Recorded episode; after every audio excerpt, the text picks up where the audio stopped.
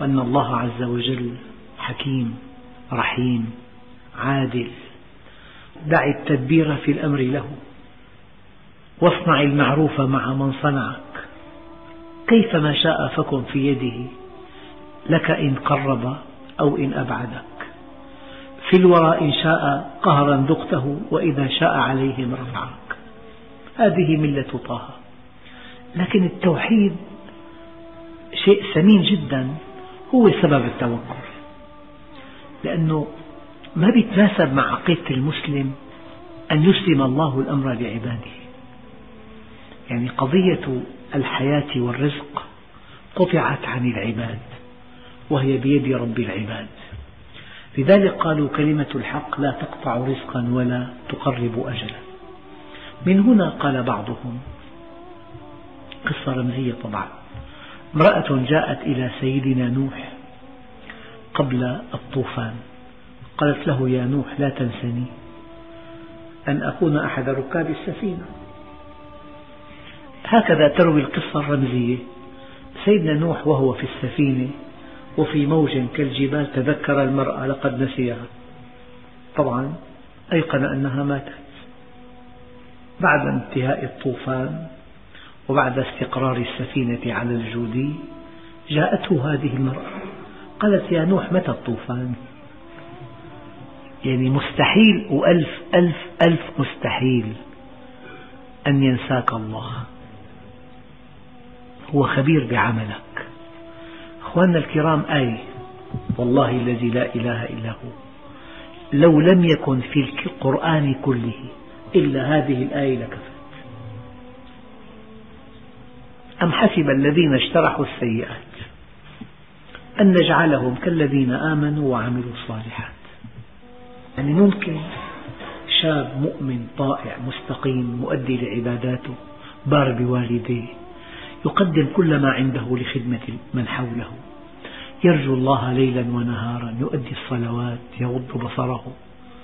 هذا يمكن أن يعامل كما يعامل شاب متفلت لا يستحي وقح يأخذ ما ليس له يعتدي على غيره ينتهك أعراض الآخرين. يعني أن يستوي هذا مع هذا هذا ينفي وجود إله. أستخدم عبارة لعلها قاسية.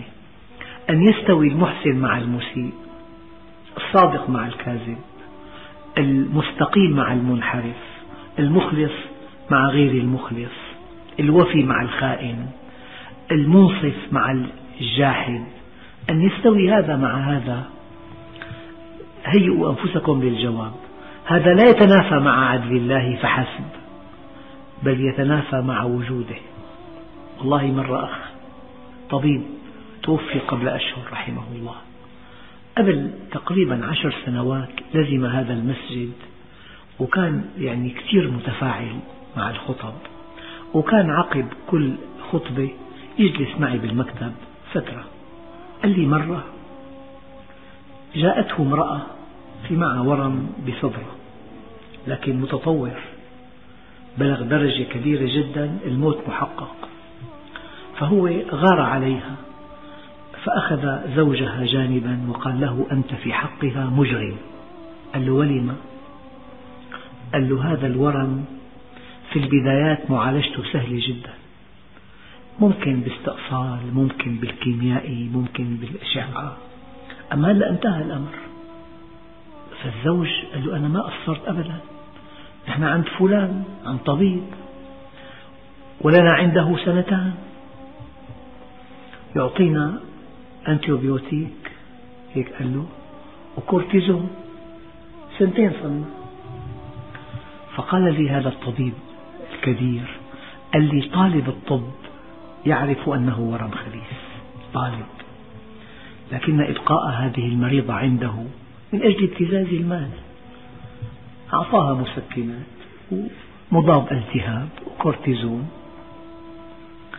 فلما علم الزوج أن هذا الطبيب من أجل ابتزاز المال أبقاها عنده ولم يرشدها إلى طبيب اختصاصي. قال لي والله هو عملاق. قال لي وقع على الأرض وصار يضطرب. ثم قال هذه الكلمة قال له يا رب إذا كنت موجود انتقم منه. ما ربط انتقام الله به بعدله بل بوجوده. قال لي والله كلمة كبيرة قالها. ثم انصرف وبعد ستة أيام توفاه الله. قال لي بعد أحد عشر شهرا جاءني إنسان شاب أنيق لكن متهالك. جلس على المقعد الذي جلس عليه زوج هذه المتوفاة المريضة. قال له تفضل. قال له أنا زميلك. الاسم الكريم قال له فلان نفسه الطبيب ورم خبيث في صدره. قال لي أقسم بالله بحسب اختصاصي أن هذا الورم بدأ من أحد عشر شهرا. من وقت أن هذا الزوج انبطح على الأرض قال له يا رب إذا كنت موجود انتقم منه. الله كبير. فيا أيها الإخوة الكرام الإنسان إذا استقام يتوكل على الله. فإذا كان منحرفا أو كان مقصرا أو كان غارقا في بعض المخالفات أو له دخل مشبوه أو مقصر في بر والديه أو مقصر في تربية أولاده. يجد صعوبة بالغة في التوكل على الله.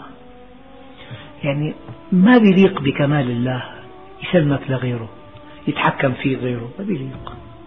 أما بيليق برحمته إذا في تقصير أن يخيفك من غيره. ولا أخاف ما تشركون به إلا أن يشاء ربي شيئا وسع ربي كل شيء علما. يعني ضربت البارحة مثل بإنسان فطرب له. قلت له إنسان قوي بيهدد بنصدق وبيطلع الدولار. وخالق الأكوان إذا كان طمأن ما بنصدق إذا أنت مؤمن ومستقيم يجب أن تطمئن. وهل نجازي إلا الكفور؟ وهل نجازي إلا الكفور. فمن يعمل مثقال ذرة خيرا يره ومن يعمل مثقال ذرة شرا يره. أنا بتمنى المؤمن المستقيم ما تضعف معنوياته ولا تهنوا ولا تحزنوا وأنتم الأعلون إن كنتم مؤمنين. ما أمرك أن تعبده إلا بعد أن طمأنك. قال لك إليه يرجع الأمر كله. فاعبده وتوكل عليه. أخواننا الكرام نحن بحاجة إلى رفع معنويات. نحن بحاجة لا إلى جلد الذات كما يفعل معظم المثقفين. وين ما جلست تسمع جلد للذات. تنتهي الجلسة ما فيك توقف. والله ما فيك توقف. ما في أمل. الطرق كلها مغلقة. لك عدو قوي جبار ما بيرحم. وأحقاد دفينة. ويتمنى الدمار الكامل الإبادة يتمنى. معه أسلحة فتاكة والعالم كله معه والناس مع القوي فقط. أنا لا أدخل في موضوعات لا تعنيني إطلاقا بس أنا عم أقول لمؤمن أنا عم خاطب مؤمن ملتزم مؤمن دخله حلال مؤمن بيته منضبط مؤمن يحب الله. هذا ليس من سقط المتاع. هذا غالي على الله بالتعبير الدارج غالي كثير. فإنك بأعيننا فأنا بتمنى الواحد تبقى معنوياته عالية. كيف النبي الكريم تبعه سراقة؟ وقد أهدر دمه. قال له كيف بك يا سراقة إذا لبست سواري كسرى يعني بربكم. يسامحوني بهالمثل الذي لا يحتمل. يعني قبيلة باليمن ممكن تنتصر على البيت الأبيض مثلا قبيلة باليمن هيك العرب كانوا قبائل متناحرة. ما في شيء. قال له كيف بك يا سراقة إذا لبست سواري كسرى؟ يعني أنا سأصل وسأؤسس دولة وسأحارب أكبر دولتين وسأنتصر وسوف تأتي الغنائم ولك يا سراقة سوار كسرى. هذا الإيمان. ولا تهنوا. ولا تحزنوا وأنتم الأعلون إن كنتم مؤمنين. يعني معقول المؤمن الملتزم بأصعب زمن بزمن الفجور والمعاصي والآثام والتفلت والفلتان الأخلاقي والإباحية الجنسية. وكل شيء يدعو للمعصية وأنت من بيتك لجامعك. ضابط أمورك تخشى الله تؤدي عباداتك. معقول ما يكون لك ميزة عند الله؟ مثلك مثل غيرك. أم حسب الذين اجترحوا السيئات أن نجعلهم كالذين آمنوا وعملوا الصالحات؟ هذا بالآخرة. لا بالدنيا بالدنيا. سواء محياهم ومماتهم ساء ما يحكمون.